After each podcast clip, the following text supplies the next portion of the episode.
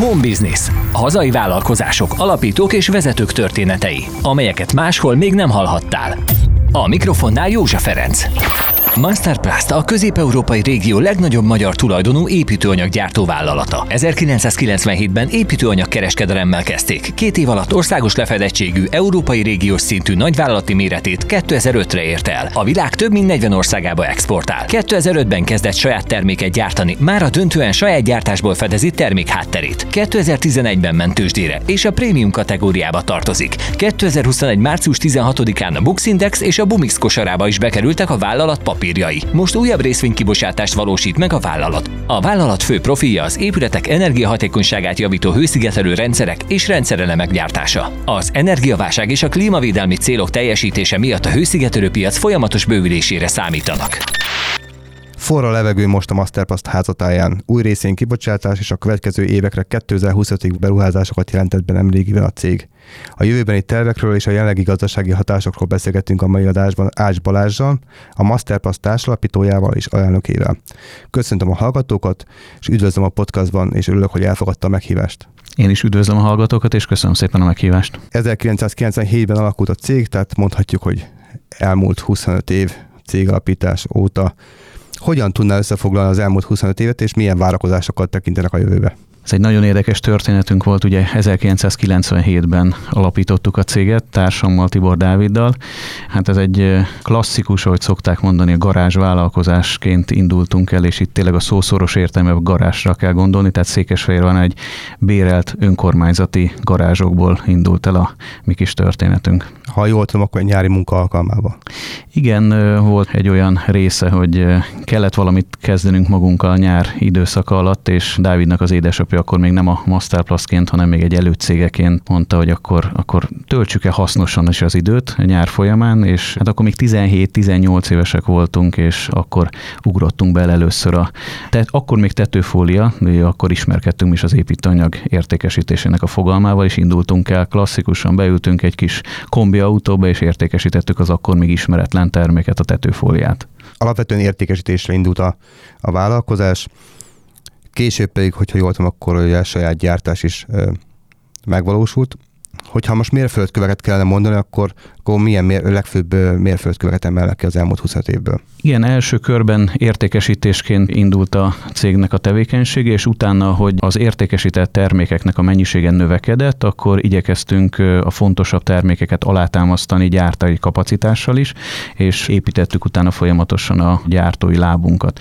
A mérföldkövekre kíváncsi, akkor én azt gondolom, hogy a legfőbb mérföldkő a 1997-es alapítás után a viszonylag korai külföldi piacra lépés volt, tehát 1999-ben már Szlovákiába leányvállalatot alapítottunk, és az egy, én úgy gondolom, egy mérföldkő volt, főleg egy abba az időben is, de mostani időben is azt gondolom, hogy egy frissen elindult vállalkozás, két éves üzemeldés és működés után már külföldi piacokra merészkedik, az tényleg egy nagyon merész lépés volt számunkra, és utána aztán folyamatosan bővítettük, utána következett a romániai cégalapításunk, aztán az ex-jugoszláv régióban Horvátország, Szerbia, tehát az ottani piacnak az építése. Talán azt gondolom, hogy a, a leányvállalati bővítés és a leányvállalati cégalapítások volt egy az első említésre méltó mérföldkő. A második nagyon fontos a gyártások, amitről már az előbb említést tettem.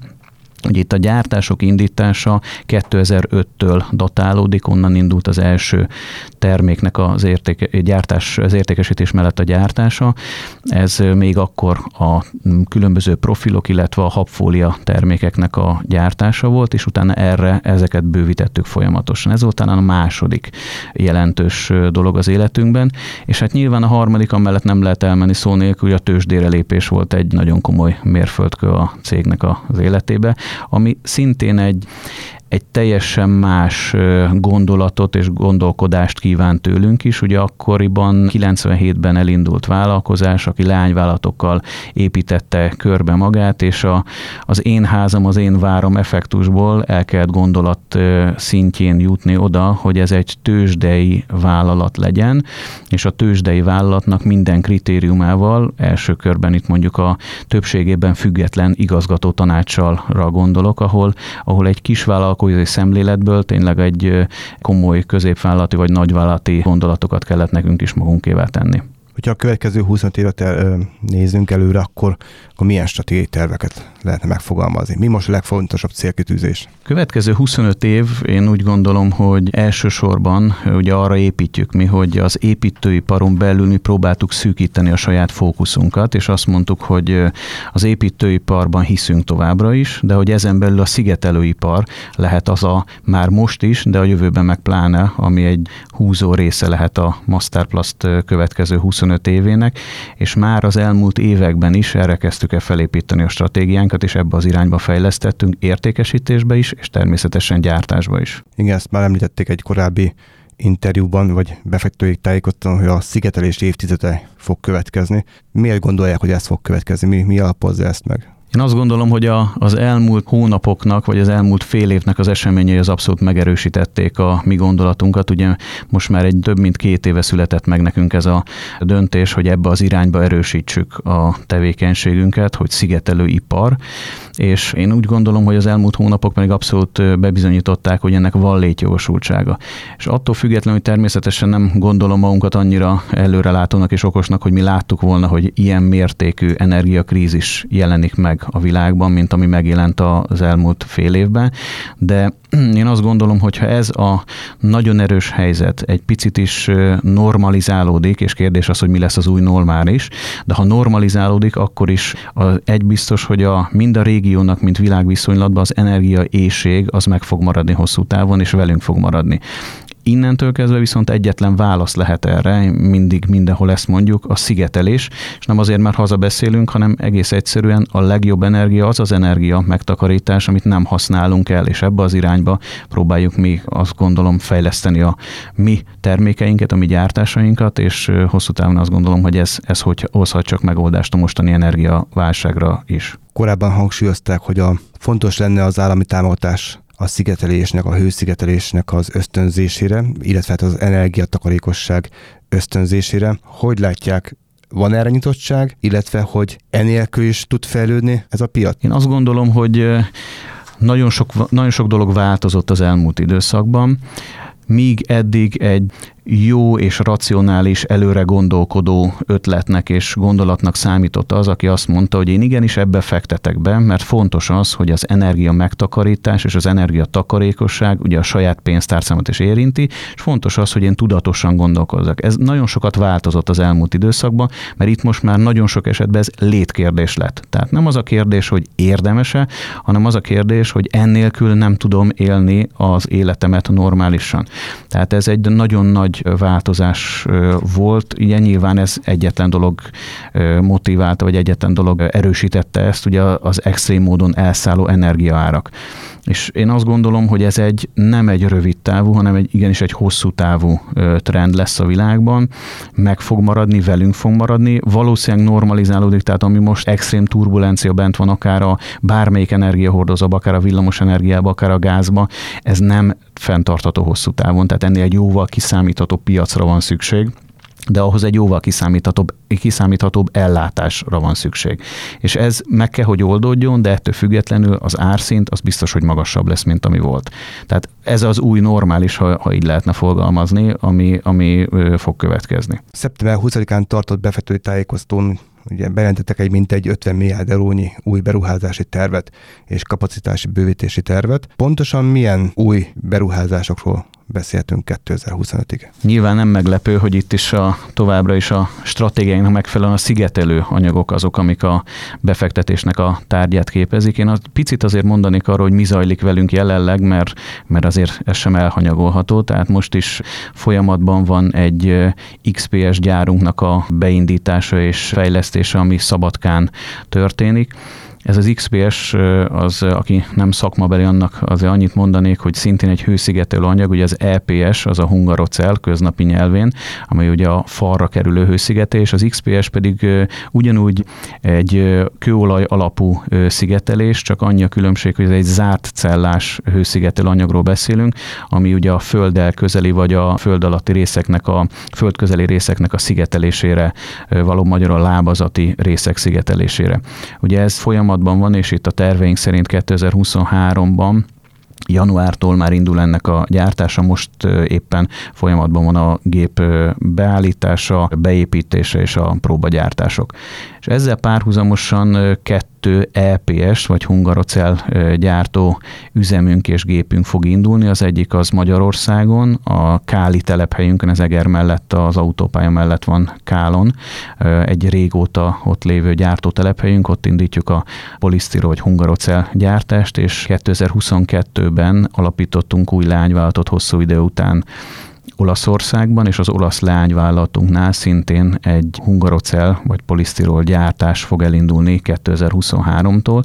Tehát a magyarországi mellett mi hiszünk továbbra is az európai szintű hőszigetelésnek a bővülésébe, és ezért fejlesztünk abba az irányba is a hőszigetelő anyagok gyártása mellett milyen olyan anyagokra vagy technológiára van még szükség, hogy, hogy a hőszigetelés meg tudjon valósulni, és ezekhez kapcsolatban ti forgalmaztok, vagy gyártok-e más terméket is? Igen, egy elég komoly része van még a hőszigetelő anyagoknak, a hőszigetelő rendszereknek, az üvegszövet háló.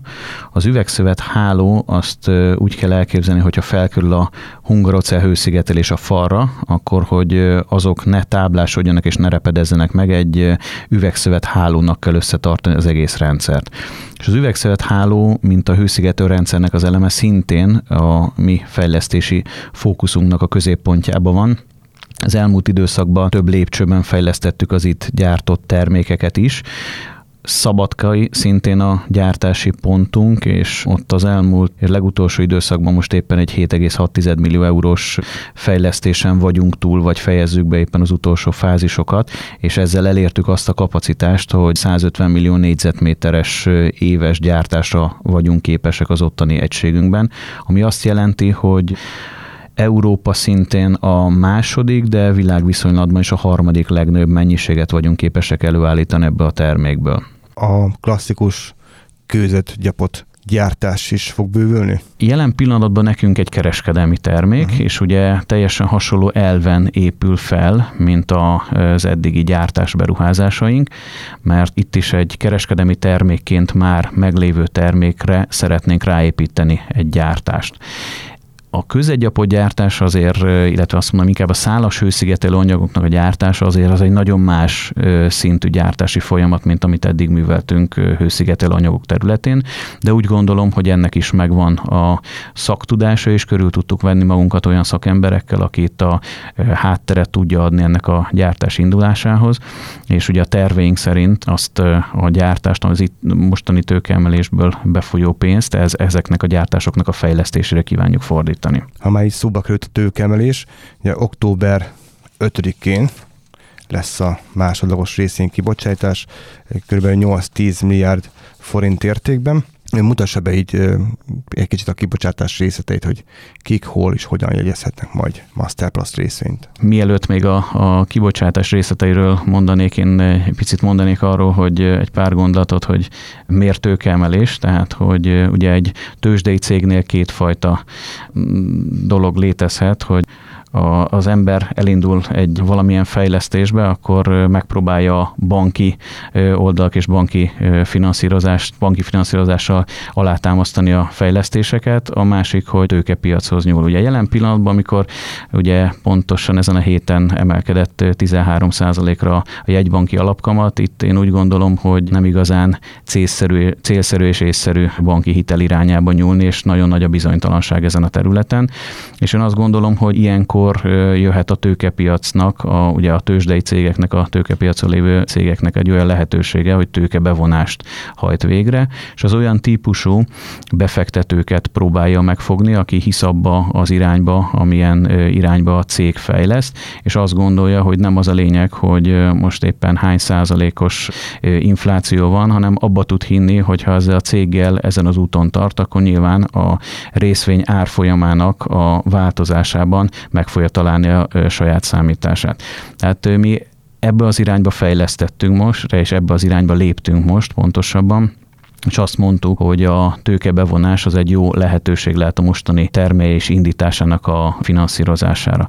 Ugye itt ez több lábból áll, van egy intézményi láb, és van egy lakossági láb, tehát ugye itt ez szintén nem egy egyszerű és gyors folyamat, ennek megvan a, ennek az előkészítését ugye az MNB-vel már tájékoztatót jóváhagyásra jóváhagyattuk, és ugye itt október 5-én indul a jegyzés, és ugye amit tudni kell róla, hogy itt a, van egy ársáv, itt a 4000-4400 közötti ársávon lehet megtenni a különböző jegyzési gondolatokat, és nyilván az intézmények által kialakult árban a lakosság is ugyanazt az árat fogja kapni, amit a, amivel az intézmény kiharcolt magának mindig, mikor részéről van szó, adódik a kérdés, hogy milyen osztalékpályát kínálnak a részvénytulajdonosoknak. Igen, ez mindig egy érzékeny kérdés, amit már ugye többször hangoztattunk mi is, hogy alapvetően a Masterplus nem egy osztalék alapú papír, és azt gondoljuk, hogy nem is ez lehet a jövője, hanem sokkal inkább egy növekedési alapú papír és növekedési alapú cég.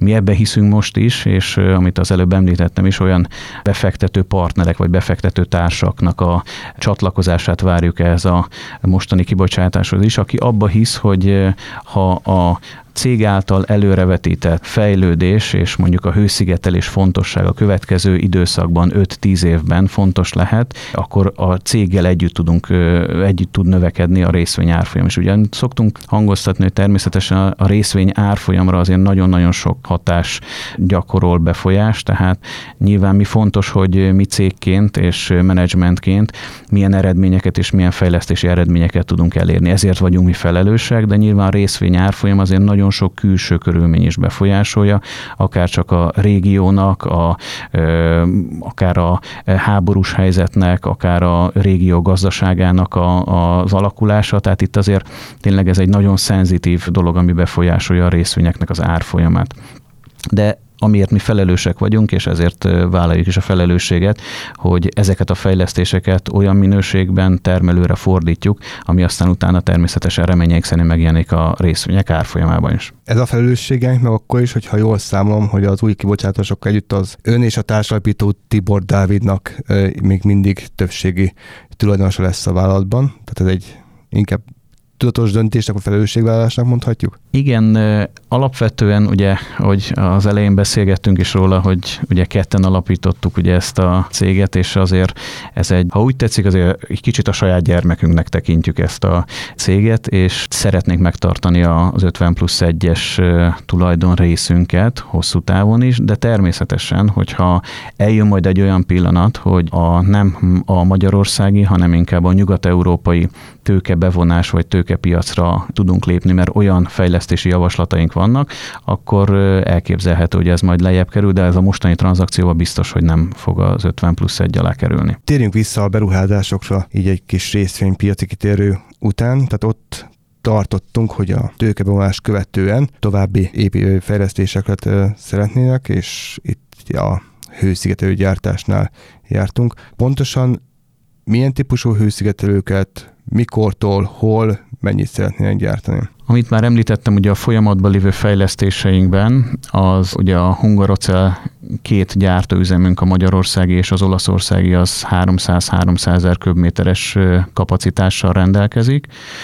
Emellett ugye az XPS gyártásunk, a szabadkai XPS gyártásunk az egy 200 ezer köbméteres kapacitással bír, és a következő az ugye a szálas anyagoknak a gyártása, ami ugye első körben, amit már be is jelentettünk, az szintén a Szabadka ide egy picit a vajdaságnak a déli részén telepítendő üzemről szólna, de van a, a, ez egy viszonylag jó előkészítési fázisban lévő projekt, és erre szeretnénk bevonni ezt a e, mostani tőkét, de utána tervben van egy következő lépés is, ami szintén szálas hőszigetelő anyagoknak a gyártása irányába lépnénk. Itt még a helyszín azért bizonytalan, tehát ez még egy, egy nem egy pontosan kidolgozott terv. Nagyon sokan most recessziót várnak. Elég brulátó jövőképe van a legtöbb, legtöbb vállalkozásnak. Önök mégis nagyon bizakodóak ezzel a rengeteg beruházással és, és piacbővítéssel.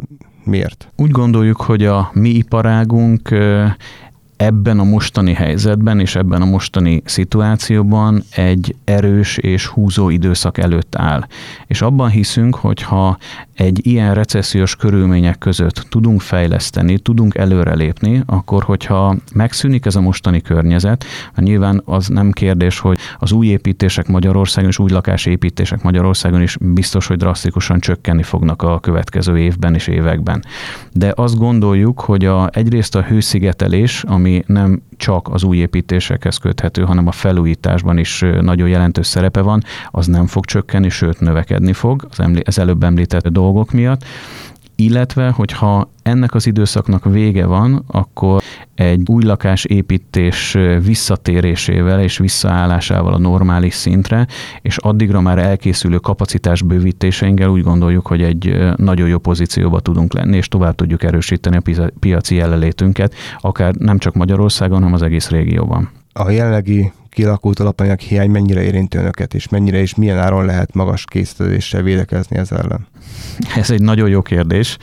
A elmúlt időszakban több helyen, meg több fórumon rákérdeztek, hogy küzdöttünk el ezzel a problémával. Igen, természetesen mi is küzdöttünk vele, és kérdezték, hogy mi volt a, az eddigi alapanyag beszerzési politikánk, és annyit tudtunk, tudtam rá mondani, hogy a viszonylag egyszerű volt a politikánk, mindenhonnan megvettünk, amit csak tudtunk. Tehát gyakorlatilag az ember itt egy picit felül kellett, hogy értékelje a gondolatait, és akkor egy picit másfajta aspektusból közelítette meg az alapanyagbeszerzését. Természetesen a minőségre figyelni kellett, a gépek felhasználhatóságára figyelni kellett, de ettől függetlenül az elmúlt időszakban, hála jó Istennek minket nem érintett alapanyag hiány miatti leállás, de ehhez az kellett, hogy tényleg, és szó szerint értendően a közép-kelet, a távol-kelet, Európa, Kelet-Európa, Nyugat-Európa, mindenhonnan, amilyen lehetőségünk volt, mindenfajta alapanyagot vásároltunk, és ezzel tudtuk elérni azt, hogy nincs, nem volt alapanyag hiányunk, és reméljük a következő időszakban sem lesz.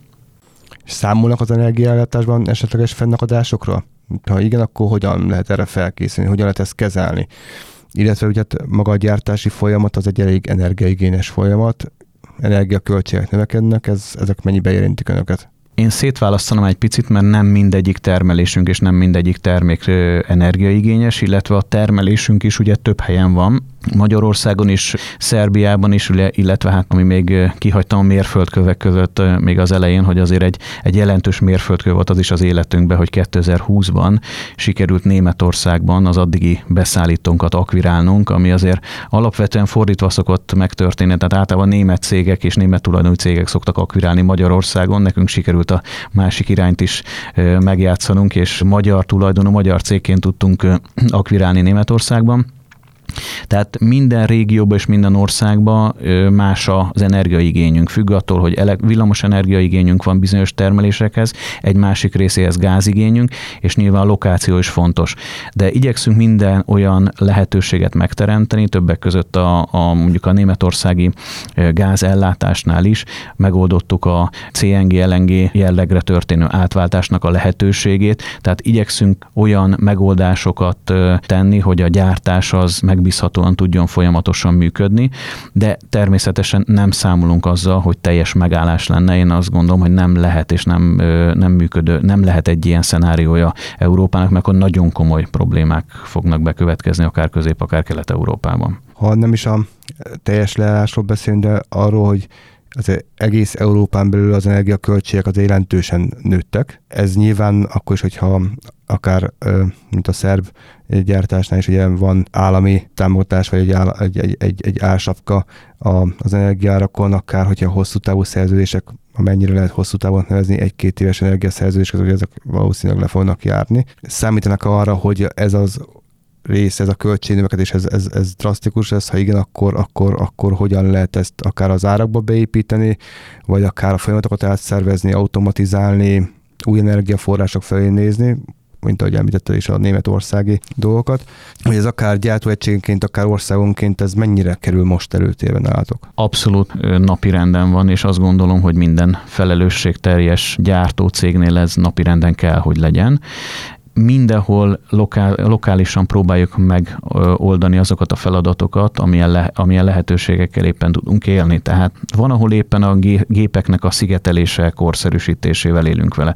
Valahol napelemrendszereket telepítünk arra, hogy az en- megemelkedő villamos energiának a költségét tudjuk kompenzálni vele. Tehát nyilván ez egy egyre inkább rentábilis és egyre megtérülő beruházás. Tehát én azt gondolom, hogy minden gyártó lokációnkba próbáljuk megtenni azokat a lépéseket, amivel egyrészt a költségek növekedését próbáljuk ellensúlyozni, másrészt az ellátás biztonságát. Tehát természetesen a, amiben gondolkozunk az az, hogy a, a napelem rendszer mellett is tároló kapacitást is építünk ki hozzá, tehát egyfajta áthidaló lehetőségekben is gondolkodunk. Tehát igyekszünk minden olyan lehetőséget megragadni, amivel az ellátásunkat egyrészt rentábilisabban, másrészt meg folytonassá tudjuk tenni akár iparági jellemző, de inkább kereskedelmi jellemző, a kereskedelmi pályák egyre inkább rövidülnek. Ezeken a területeken terveznek-e fejlesztéseket, és ha igen, akkor miket? Szerencsére én azt gondolom, hogy a, az egyre több gyártásunkkal egyre közelebb kerülünk, és egyre önmagától rövidülnek nálunk ezek az ellátási láncok minden egyes leányváltunknál, ahol jelen vagyunk a régióban, ugye itt Románia, Szerbia, Horvátország, Szlovákia, Lengyelország, Magyarország és természetesen Ukrajna is, amiről azért érdemes a mostani körülmények között egy pár gondolatot ejtenünk, de mindenhol nagyon sok közvetlen direkt partnerrel dolgozunk együtt. Ez azt jelenti, hogy 7-800 aktív partnerünk van. Itt mindenhol ugye a saját értékesítésünk, saját logisztikai hálózatunkkal oldjuk meg a kiszolgálást és a kiszállítást is.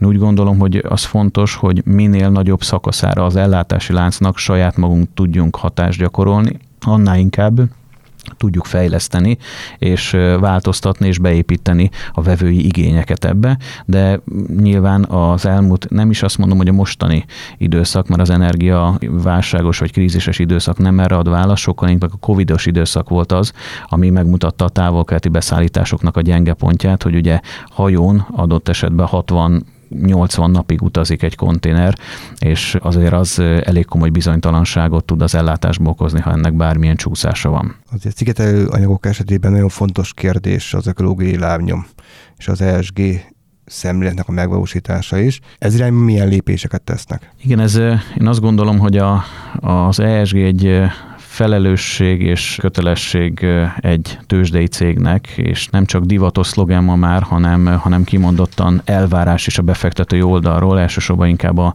az északi befektetők helyeznek rá egyre komolyabb hangsúlyt, hogy milyen ESG szemlélete van egy tőzsdei cégnek. Én azt gondolom, hogy az ESG-be talán az egyik legfontosabb lépés, hogy természetesen mi is indítottunk külön oldalt, és a Masterplus fenntarthatóság.hu-n keresztül lehet követni, hogy milyen fejlesztéseket teszünk, de én azt gondolom, hogy legfontosabb részt emelném ki, ami elsősorban inkább az E, e betűvel kapcsolatos, hogy magyarországi építőanyag piacon, vagy építőanyag gyártópiacon elsőként a, meg, megoldottuk a polisztirol, vagy a hungaracel terméknek a körforgásos gazdálkodásban való részvételét. Ugye ezt úgy kell elképzelni, hogy mi legyártjuk magát a hőszigetelő anyagot, ezt kiszállítjuk az építkezésekre, itt az építkezéseken összegyűjtik az összes vágás és szélhulladékot, mert ugye ez nyilván mindig keletkezik ablakkivágásoknál, sarkoknál, egyebeknél.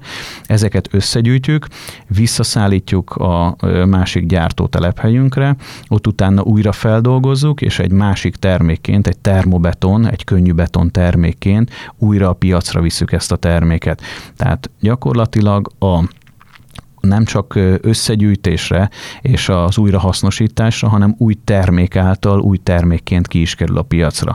Úgyhogy én azt gondolom, hogy ez egy nem az ESG-nek a hangoztatása az nem biztos, hogy mindig azt a célt szolgálja, mint azok a tettek inkább, amik mögötte vannak. Tehát nem az a lényeg, hogy, hogy egy nagyon komoly CSR programokat működtessen egy olyan cég, mert ugye az ESG-nek ez is része, és azzal kimutassa, hogy őt mekkorát fejlődött ebbe az ESG ESG report rendszerbe, hanem sokkal inkább az, hogy ennek a lényegét próbáljuk megfogni, és abban tegyünk valamit, és én úgy gondolom, hogy a körforgásos gazdálkodásban való elsőként az építőiparban való részvételünk, az kimondottan ezt a, a, az elvét fogta meg a, az ESG-nek. A masterpass kapcsolatban most már nagyon sokat beszéltünk a a szigetelőanyagokról és az új beruházásokról, de milyen területeken van még jelen a Masterplast? Talán a másik fontos területünk, ami, ami jelen pillanatban még csak egy kezdeti csíra fázisában van, egy növekvő fázisában, az a moduláris építészet. A moduláris építészetben mi azt gondoljuk, hogy ott is magában az építőiparban és az építőipari kivitelezésben is egy óriási váltás előtt áll a világ. Tehát nagyon sok személyes tapasztalatunk van abban, hogy milyen pontossággal sikerül megvalósítani különböző építőipari kivitelezési tevékenységeket, és mi úgy gondoljuk, hogy ezeket a minél több tevékenységet be kell vinni gyártó csarnok közé, tehát gyártási körülmények között kell megoldani azokat a tevékenységeket, amiket csak megoldható. És innen indult az egész gondolatmenetünk, és jött létre az a, az új koncepciónk, ami most 2022-ben a fejlesztés évében van, amik hála jó Istennek nagyon jól futottak ezek a fejlesztések, hogy egy 3,5 6 méteres modulegységben, egy acél szerkezetű modulegységben teljes mértékben készre gyártjuk a modul, moduljainkat, ami utána aztán sorolható, egymás mellé építhető, de akár még egymás tetejére is építhető lesz, és ezeket teljesen készre gyártjuk az üzemben, ami nagyon fontos, hogy az év 365 napjában, tehát nincs időjárási kitettség, a páratartalom az szintén folyamatos, tehát az anyagoknak a száradása, kötése szintén nem lehet egy probléma, illetve ami még fontos, hogy itt gyártási körülmények között gyártási minőség ellenőrzésekkel milliméterre tudunk ö, dolgozni, milliméterre tudjuk ellenőrizni az ottani minőséget, nem úgy, mint egy építkezésen, ahol jó esetben a centire, de inkább az 5 centis szűrés hatállal épülnek bizonyos területeken az építmények. Tehát itt, ami nagyon fontos ebben, hogy egy nagyon jó minőségű, és a mostani teszteink alapján egy nagyon jó hőszigetelési és zajszigetelési megoldásoknak is megfelelő modulegységet tudtunk összeállítani ami a terveink szerint 2023-tól már a piacon is meg tudunk vele jelenni.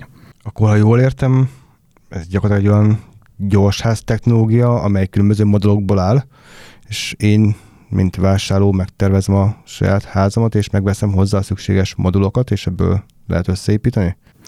Első körben nem családi házas irányba kívánjuk a fejlesztéseinket megtenni, mert úgy gondoljuk, hogy ami az első időszakban nekünk is jó irányvonal lehet, az olyan jellegű épületeknek, akár munkásszállások, akár kollégiumi épületek, akár ipari csarnokoknak az iroda fejépületeinek és kiszolgáló épületeinek a megvalósítása, ami egy nagyobb méretű és nagyobb volumenű gyártást tud engedni, engedni nekünk.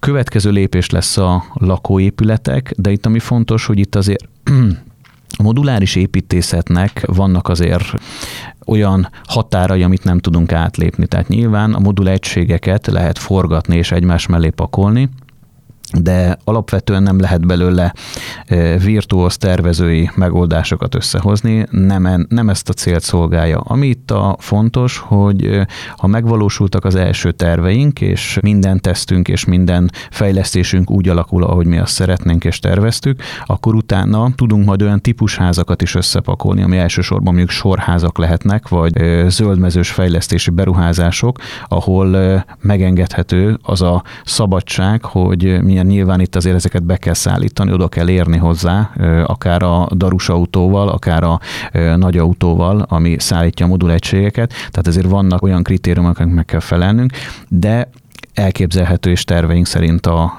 családi házas, inkább azt mondom, hogy lakóprojekteknek a fejlesztésére lehet alkalmas. A másik ilyen terület, ami újszerűnek mondható, legalábbis a honlap szerint, az az egészségipar. Igen, amit már említettem, hogy büszkeséggel töltött el minket a németországi akvizíciónk, hogy az ugye egy beszállító partnerünket sikerült megvásárolni, és ennek a beszállító partnerünknek, aki félkész terméket szállított addig be hozzánk, volt egy másik lába is, ami az egészségiparba szükséges flízeknek a gyártása volt. És nyilván hogy a Covid időszak alatt ennek extrém turbulenciája volt ennek a terméknek, de úgy gondoltuk, hogy ebbe is azért van helyünk és van keresnivalónk, úgyhogy fejlesztettünk itt is, alapanyaggyártásra is, illetve olyan speciális inkontinencia lepedőkrek a gyártására, illetve egyszer használatos ágynemük és ágybetét védőeszközöknek a gyártására, aminek most folyik szintén a tesztelése, tehát nyilván Covid időszak alatt azonnal mindent meg kellett oldani, de most azon dolgozunk, hogy legyen egy olyan magas színvonal és magas minőségű bevizsgálása a terméknek, ami hosszú távon biztosít számunkra egy egészségipari jelenlétet is. Így végighallgatva azt, amit, amit mondott, azért, ha jól értem, a következő néhány évnek a stratégiája az hogy egy, egy elég jelentős, nagy regionális szigetelőanyaggyártó és forgalmazó vállattá válna a Masterplast, nagyon nagy gyártói kapacitással. Ezen belül is ugye van még két, vagy ezen kívül van még, van még két stratégiai irány, egyrészt az egészségipar, másrészt pedig a moduláris építészet. HR szempontból mennyire nehéz feladat ezt, ezt lemenedzselni? Kezdeném az elején, hogy igen, a kezdeti párfős kis családi vállalkozásnál azért jóval nagyobbak vagyunk, és jóval túlnőttük. Ez azt jelenti, hogy ugye a tavalyi évet közel 1400 fős munkavállalói létszámmal zártuk, tehát közel 1400-an dolgoztak a csapatba. Igen, ez egy teljesen más menedzselés, teljesen más irányítást igényel tőlünk is, de nyilván nem nagyon tud működni annélkül, hogy megfelelő szinten ne támasszuk mi is alá magunkat. Tehát ezt, amikor még a kezdet-kezdetén ketten tudtuk irányítani, itt most már egy nagyon komoly menedzsment csapat van alattunk, és segíti velünk ezeket a fejlesztéseket, fejlődéseket, természetesen nagyon fontos számunkra az, hogy olyan kollégákkal tudjunk együtt dolgozni, akik a maguk, terület, maguk területén teljesen profik, és fontos az, hogy ezek az üzleti folyamatok is hatékonyabbá váljanak azáltal, hogy olyan kollégákkal dolgozunk együtt, mert nyilván a, amiket említettünk fejlesztést, ezt nem tudjuk saját magunk megoldani. Itt ugye volt mm, akvizíciónk is az elmúlt időszakban, és ezt is meg kellett oldanunk, hogy a, az akvirálandó cégnél az, hogy valaki megvásárol egy céget, az viszonylag egyszerű folyamat, mert ahhoz idézőjelben más nagyon nem igen kell, mint pénz. De az, hogy utána ezt be tudja integrálni, és a folyamataiba be tudja illeszteni ennek a cégnek a működését, és erősíteni tudja a saját folyamatait is ezáltal, az már egy komolyabb művészet, de én bízom benne, hogy olyan a mi csapatunk és olyan hátterünk van, ami, ami megoldja ezeket a problémákat, és kihívásokat is. Akkor egy jelentős kihívásokkal és nagyon szép tervekkel teli időszak következik. Én nagyon sok sikert kívánok ezeknek a megvalósításához, és köszönöm szépen a beszélgetést. Én is köszönöm. Home Business. Hazai vállalkozások, alapítók és vezetők történetei, amelyeket máshol még nem hallhattál. A felvétel a t stúdióban készült. thustudio.hu. A beszélgetést a Masterplus támogatta.